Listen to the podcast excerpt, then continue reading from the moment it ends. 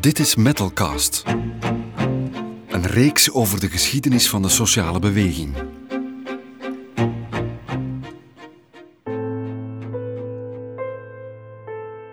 Het is voorjaar 2004 en bij Philips in Hasselt trekt de laatste werknemer de deur definitief achter zich dicht. Precies 50 jaar nadat de Nederlandse elektronica-gigant naar Limburg kwam. We hadden belangen niet verwacht dat men eh, een sluiting zou aankondigen, want dat was, dat was een klap op dat moment. En totaal onverwacht.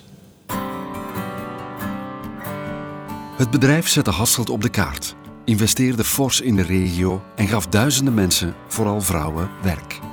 Maar na een opeenvolging van herstructureringen komt op 3 december 2002 het finale verdikt. Philips Hasselt moet dicht. De fabriek verhuist naar Polen en Hongarije en later naar Oekraïne, waar de lonen veel lager liggen en de vakbonden amper actief zijn. Een product dat in massa moet geproduceerd worden, zoekt uit zichzelf de goedkoopste plaats op de wereld om geproduceerd te worden. Hoe is het leven in de fabriek? Hoe hard komt de sluiting aan? En hoe zorgen werkgever en vakbonden ervoor dat er een andere toekomst is voor de Filipiaans? ABVV Metaal gaat op bezoek bij vakbondsmensen, werknemers en de personeelschef van toen. Onze zoektocht begint op de locatie van de oude Philips-site, de Corda Campus, waar we een afspraak hebben met Johnny Frans.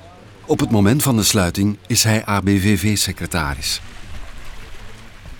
Philips Hasselt, gelegen hier links, het oud gebouw, dat was het productiecentra van, van Philips Hasselt. Tot daar heel achter, tot en met uh, het vroegere CWA, zover dat je kunt zien aan de linkerkant. Ja. Het was een groot bedrijf, een multinational. Het heeft natuurlijk gezorgd voor, voor uh, welvaart, uh, omdat dat bedrijf hier heel veel werk heeft geboden aan heel veel mensen. Ja, dat heeft heel veel betekend naar koopkracht toe en naar, naar welvaart voor Hasselt en omstreken. Hè. Dat vertelt ook chef Tronen, die van 1989 tot eind 2003 personeelschef is. Ik denk dat, dat Philips voor de regio Hasselt, voor Limburg, erg belangrijk geweest is. Hè. Uh, Philips is met zijn activiteiten begonnen in, uh, in Hasselt in 1954. Niet op de site waar nu het Corda-complex uh, er staat, maar in een oude keramiekfabriek in de stad. Ik denk dat uh, op het gebied van tewerkstelling dat voor, voor regio Hasselt Philips erg belangrijk geweest is. Daar zijn in de loop van die 50 jaar bijna die Philips actief geweest is, zijn daar ja, zelfs in euro's gaat het om honderden miljoenen euro's die Philips daar in de streek gepompt heeft. Hè. Niet alleen via loon, lonen, salarissen, maar ook lokale toeleveranciers die daar uh, hun profijt mee gedaan hebben. Ontwikkeling gebeurde in de labs in Eindhoven. Philips Hasselt zelf beginnen investeren in, uh, in ontwikkelaars, ontwikkelcapaciteit. Bijvoorbeeld de compact cassette, die is in, bij Philips in Hasselt uitgevonden. Ja.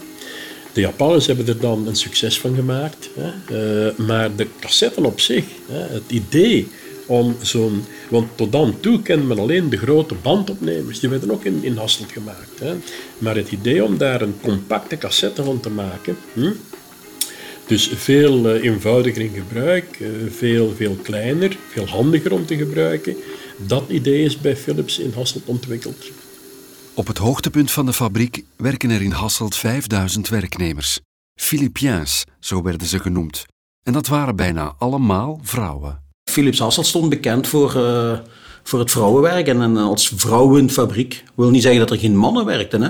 maar die zaten dan meestal in leidinggevende functies of uh, die hadden dan uh, de administratieve taken.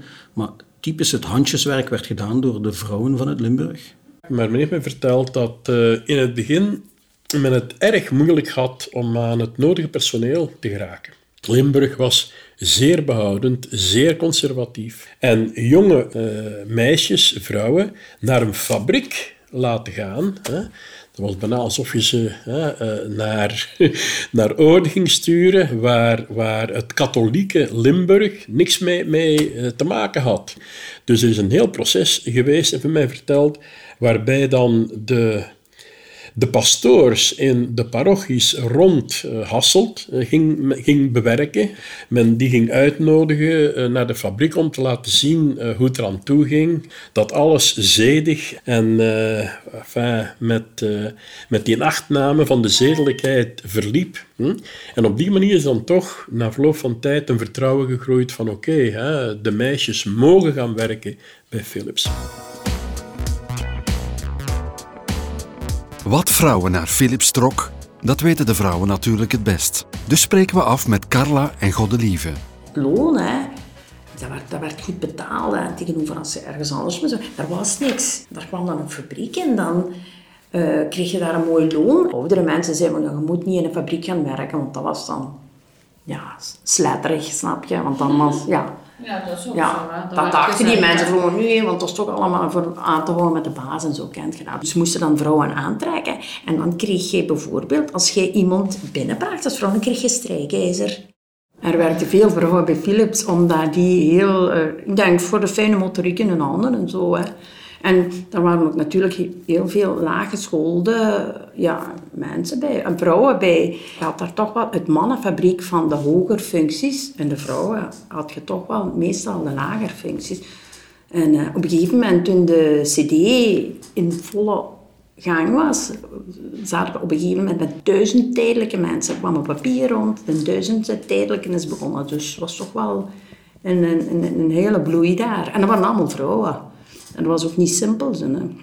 Want daar kwam dus van alles en nog wat binnen. Want er waren dan vechtpartijen met vrouwen en zo. Eh, zijn daar wel geweest, weet je nog? Ja, maar toen, want uiteindelijk hebben de vrouwen Philips eigenlijk altijd wel recht gehouden. Want uiteindelijk, ja, heel veel vrouwen gewerkt en zo. En ook heel vroeger.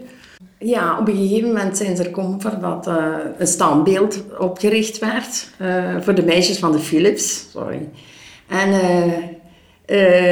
dat is dan ook uh, vanuit uh, Monica en de vakbond gekomen. En dan hebben ze samen met Stad Hasselt dus dan georganiseerd voor een standbeeld daar op te richten. Hoe is hun carrière bij Philips gestart? Ik ben in 1985 ben ik bij Philips begonnen. Toen was ik 23 en heb ik daar eerst anderhalf jaar tijdelijk begonnen. En dan ben ik een periode van een half jaar thuis gebleven. En dan uh, hebben ze, zoals dat vroeger, dan riepen ze u terug op. Maar dan ging dat niet als interim, maar dan was, kreeg je dan een tijdelijk contract van een half jaar. En na dat half jaar heb ik dan eindelijk een vast contract gekregen. En zo ben ik dan eigenlijk bij Philips begonnen. Ik ben uh, begonnen op Philips ook in uh, oktober 85. En ook gelijk Godelief in, op dingen tijdelijke basis. In het begin werkte ik ploegen. En toen ik terug opgeroepen werd, werkte ik in de avondshift. Hoe is de sfeer in de fabriek? Hier hing een, een hele speciale Philips-sfeer. Ze, ah, ze, noemden ze niet voor niks Philipiërs. De mensen van, uh, van Philips. Nu nog uh, heb ik vernomen dat, dat, dat zo'n groep regelmatig via Facebook samenkomt om de geschiedenis uit te wisselen van elkaar en elkaar nog terug te zien. Uh, ja, hier hing een familiale sfeer, ja, een heel apart sfeertje. Oh ja, we hebben toch dikwijls veel gelachen, ja. Uh, Rosanna, oh, dat was ook wel plezant. Als we die hadden, die, ook, dan kwam er zo uh, een rock'n'roll liedje of Barry White op de, op de radio. En dan even zo vastgepangen en gingen we dan de boogie-tante op het werk. Ja, dat is wel plezant. Ik heb in de verkeerde hal gezeten, denk ik. Ja. ik ga wel terug Een hele fijne tijd. Maar ja, de beste tijd tot nu toe. Zeg, iedereen die op de Philips gewerkt heeft, uh, ai, jawel, wat een hele fijne tijd. Dat is Tanja. We ontmoeten haar heel toevallig op Corda Campus, na ons gesprek met Johnny Frans. Tanja was negen jaar machine operator. Het is goed werken bij Philips. Dat is de rode draad door onze gesprekken. Niet alleen de sfeer zit goed. Philips is zijn tijd ook ver vooruit als het over HR gaat. Van Philips mag gezegd worden dat zij een voorbeeld waren op vlak van sociaal overleg. We waren het niet dikwijls eens met elkaar, en dat hoeft ook niet. Maar algemeen waren zij een voorbeeld van het sociaal overleg. En dat begon eigenlijk al nationaal. Want men wilde absoluut nationaal overleg en nationale cao's afsluiten voor alle Philips-vestigingen in, uh, in België. En tegelijkertijd liet men dan in die nationale onderhandelingen ruimte om plaatselijke noden in te vullen. Dus Philips was op dat vlak ver vooruit en toonaangevend. Ik heb ooit uh, opmerking gekregen van collega personeelschefs dat zij met hun vakbonden, hun syndicale delegatie problemen hadden, omdat telkens verwezen werd naar hoe Philips het deed. Dus Philips was progressief op een aantal vlakken. De functie bepaalde het loon en niet de, de, de, de, de sekse. Een ingenieur, eh, man of vrouw, één barema, één betalingssysteem. Dat gold ook in de productieomgeving. Ploegenpremies, eh, functie, eh, verloning, equal pay. Philips was gekend om wat wettelijk nodig was, wat wettelijk voorzien werd, sociale wetgeving en dergelijke, dat werd zeer rigoureus toegepast. Dat was ook de opdracht. We moesten toepassen wat wettelijk bepaald werd. En daarbovenop gaf Philips nogal wat sociale voordelen. Op die manier uh, was Philips ja, gekend als een goede werkgever. Maar het is niet allemaal roze geur en maneschijn. Vanaf de jaren 70 eigenlijk zijn we geconfronteerd geworden met, met problemen. Uh, de techniek evolueerde alsmaar sneller, één. En twee, de oliecrisis. Toen der tijd, de jaren 70, 3, 4, 75, de automatische indexering van lonen, waardoor loon op een jaar tijd met, met 14 of met 16 procent stegen. Uh, wat dan betekende dat nogal wat fabrieken van Philips dat die geconfronteerd werden met herstructureringen. Ik heb hier een, grafiek. Als je bijvoorbeeld ziet, hè, 1954 eh, tot eind van de jaren 90 gaat dat. Hè, dan zie je die constante groei tot ergens 1970, waar het vijfduizendste personeelslid uh, binnenkwam. En dan de jaren 70, uh, eh, oliecrisis en dergelijke, die, uh, die afbouw. Met dan de CD, de compact disc, de innovatie die komt, opnieuw een groeilijn. Daarna terug afbouw, weer groeien. Afbouw van compact disc, opbouw van de opvolgers van, van de compact disc. Maar dat betekent dus dat je telkens te maken had met afbouw van competenties die je opgebouwd had. Ik heb een paar managers gekend die verdorie goed wisten wat er aan de hand was. En die ook stelden van, we moeten zelf ondernemerschap gaan tonen. Een van die mensen heeft ooit gezegd, als wij het werk niet naar ontwikkelingslanden en naar Oost-Europa brengen, komen ze het werk bij ons halen. Polen en Roemenen en Hongaren, die willen ook mee uh, profiteren van, van die welvaart. Dus als wij het werk niet naar Ginder brengen, komen ze het hier wel halen. Philips Hasselt heeft het dus niet kunnen bolwerken in dat model van wij uh, zorgen voor, voor know-how, voor kennis. Hè, en we laten de massaproductie gebeuren over aan anderen die dat beter kunnen. Op een bepaald moment zagen we wel dat uh, zich uh, donderwolken aan het samentrekken waren boven onze hoofden. Er was niet zo meteen, werd niet meteen gezegd van, let op, er gaat iets ernstigs gebeuren. Maar we voelden toch hè, dat ja, dat er uh, ernstige vragen gesteld werden bij de toekomst van, van Philips Hasselt. Wanneer, wanneer ik dat gevoeld heb, wanneer ik uh, voor het eerst merkte dat er iets serieus in de pijplijn zat, en dan dacht ik niet aan een sluiting, maar aan een zware herstructurering. Dat was een aantal maanden voor de bekendmaking. Want dan hebben wij uh, met vakbonden samen afgesproken om een actie te houden, een mars te houden, om duidelijkheid te, te krijgen. Uh, wij hoorden veel en daar waar het druppelt, ja, begint het achteraf te regenen, zeggen we altijd.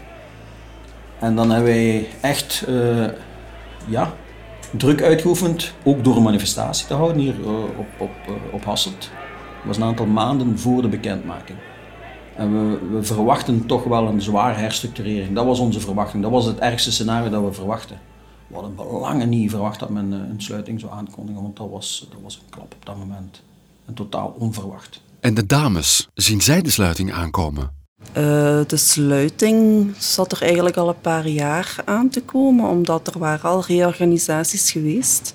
Je verwacht u daar wel aan, en zeker ja, de laatste twee jaar allee, ja, voelden we het moment wel naderen eigenlijk. We hadden al zo dikwijls herstructureringen gehad dat toen de sluiting aankwam, we dat ook niet verwachten, want we hadden herstructurering op herstructurering, maar je hoorde altijd het is 5 voor 12, het is 5 voor 12, het gaat dicht, het gaat dicht, maar het ging al 20 jaar dicht. Dus, en ze maakten altijd wel verlies. Huh? Ja, dat is ook, hè. Want toen wij begonnen was het, was het al dat ze zeiden van dat gaat hier niet lang duren. En dan, als je ziet, we hebben er toch 18 jaar gewerkt. En de dag voor die ondernemingsraad werd ik gebeld, en ook de collega's werden gebeld, om aanwezig te zijn. We werden mee uitgenodigd op die ondernemingsraad. En op dat moment zelfs voelden we de bui niet hangen. Allee, die bui toch niet. Want zoals eerder gezegd, ik verwachtte een zware herstructurering, een zware afvloeiing. Maar geen sluiting. En dan is die sluiting er ge- aangekondigd gewoon sec. Met het voorlezen, gelijk op Fort Genk gebeurd is, eh, met het voorlezen van een, een, een communiqué opgesteld door de internationale directie. Ja, dat, was, dat kwam aan als een bom. Hè. Dat was nooit verwacht. Nooit verwacht.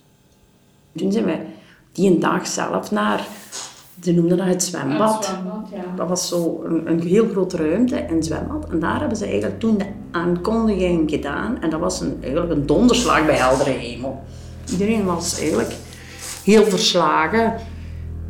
Ja, hoe zeg je dat? Er waren mensen die spontaan begonnen te wenen. En als het zo op je komt, dan, dan eh, kun je wel indenken hoe dat op je valt. En ja, dat was niet... En ook mensen die totaal niks meer zeiden. Dus die stonden daar verslagen tegen de muur. Dat was, ja, was een verschrikkelijk moment. Ik, ik werkte met een, met een- ja, ondertussen met een ex-man, maar die, wij werken daar met tweeën. We hadden pas een huis gebouwd. Je had eh, twee kinderen en zo. En je gaat daar dan eigenlijk alle twee ontslagen worden. Dus daar kreeg je wel een patat, hè. Ja. Maar op het moment van de sluiting zit iedereen in, in, in hetzelfde schuitje. Hè. Het schip zinkt. En eh, ja, op dat moment is er solidariteit tot en met. Hè. Dan bestaat er geen groene vakbond, dan bestaat er geen rode vakbond, dan bestaat er geen bediende vakbond, bestaat er geen arbeidersvakbond.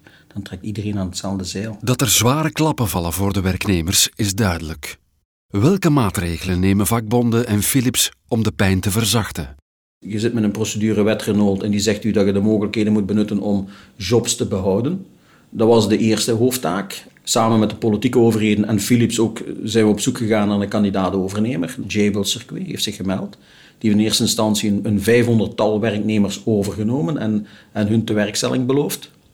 Tegelijkertijd was ook de opdracht om, moest dat verhaal Jabil mislopen, en achteraf is dat ook eh, voor een groot stuk niet uitgekomen, in hoeverre konden dan de, de Philips mensen nog genieten van het sociaal plan? Een belangrijk principe dat wij als arbeidersbonden toen hebben aangehouden is de, de niet-discriminatie ten opzichte van de bedienden. We hebben gezegd van wat bedienden meekrijgen, dat moeten onze arbeiders ook meekrijgen.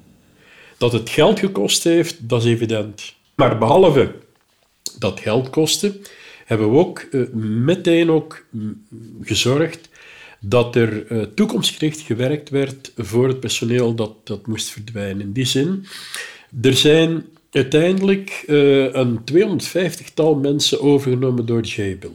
Maar er zijn 154 mutaties geregeld binnen Philips. Naar Philips Turnhout, naar Eindhoven, naar Leuven, Haasrode. Eh, 154. We hadden eh, een, eh, een paar honderd brugpensioenen.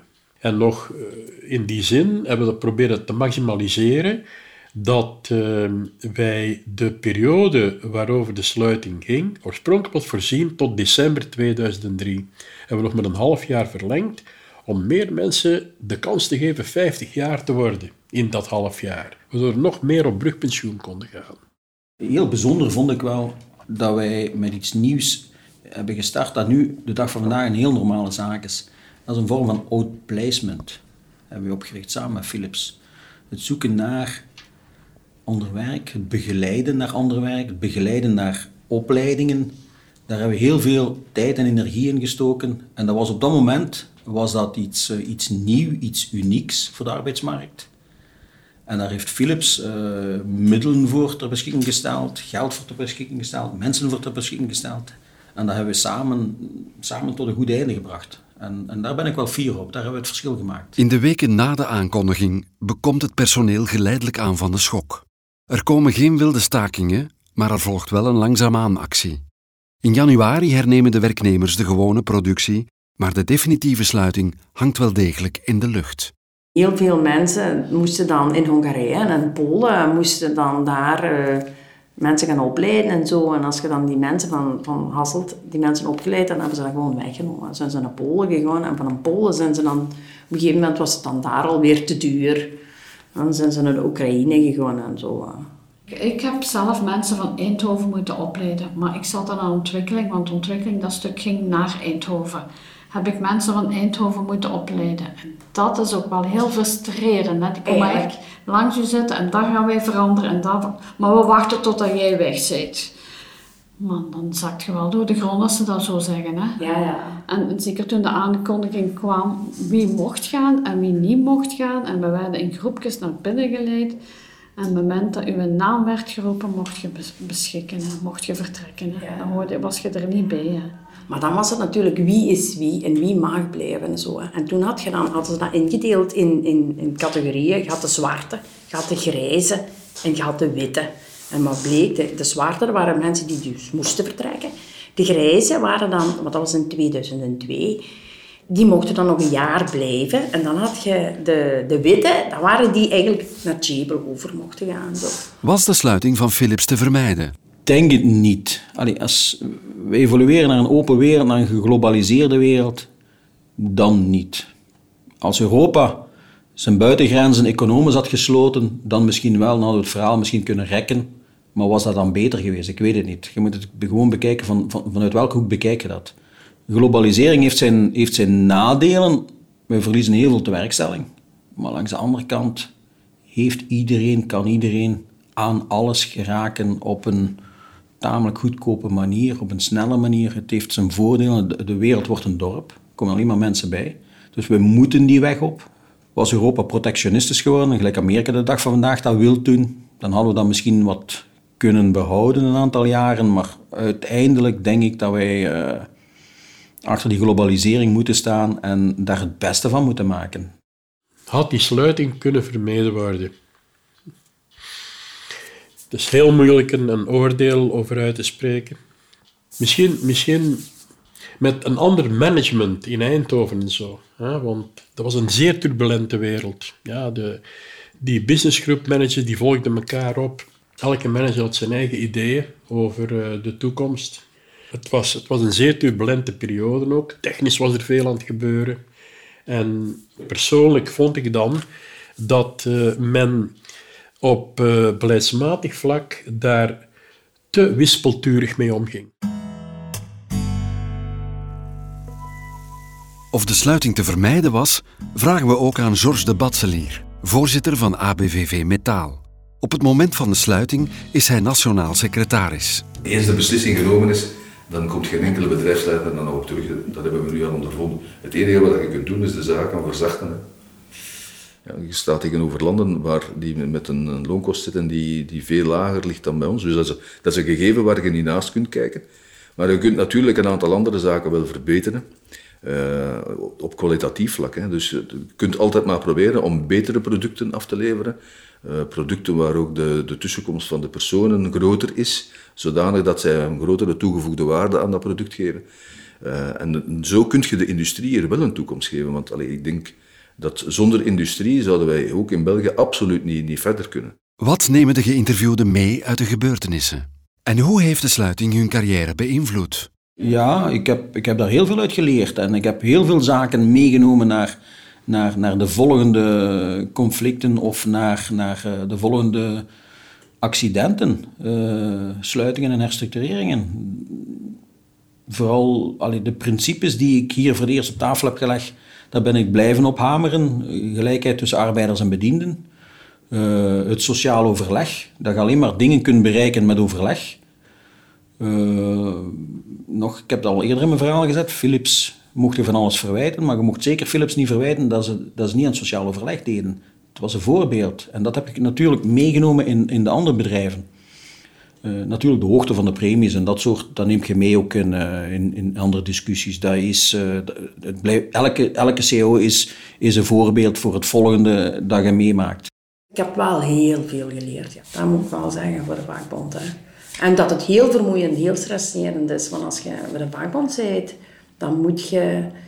Haar dat vreet, dat, dat vreet aan je. Als je echt wilt en je wilt echt voor mensen opkomen en zo, is het niet simpel. Dat is, ik zeg altijd, ik zeg, hier van voor heb ik zo rimpels staan. En wel, dat zijn, ik zeg altijd vakbondsrimpels, die heb ik daar gekregen van. Vakbond is zo belangrijk, omdat, maar heel veel mensen snappen het niet. Hè, want ze zien altijd, en de pers doet er natuurlijk ook aan mee, uiteindelijk altijd de slechte dingen. Hè. En ze weten niet hoe belangrijk de vakbond is. Ze zien niet wat de vakbonden dag, dagelijks doen voor mensen. Het is vreselijk. Want uh, je kunt niet meer, eigenlijk als, als werknemer kun je het zelfs niet meer zonder vakbond. Zo, dit was de eerste Metalcast. Meer beelden en achtergrondinformatie vind je op abvvmetaal.be. In de volgende podcast blikken we met Rudy de Leeuw terug op zijn carrière bij de vakbond.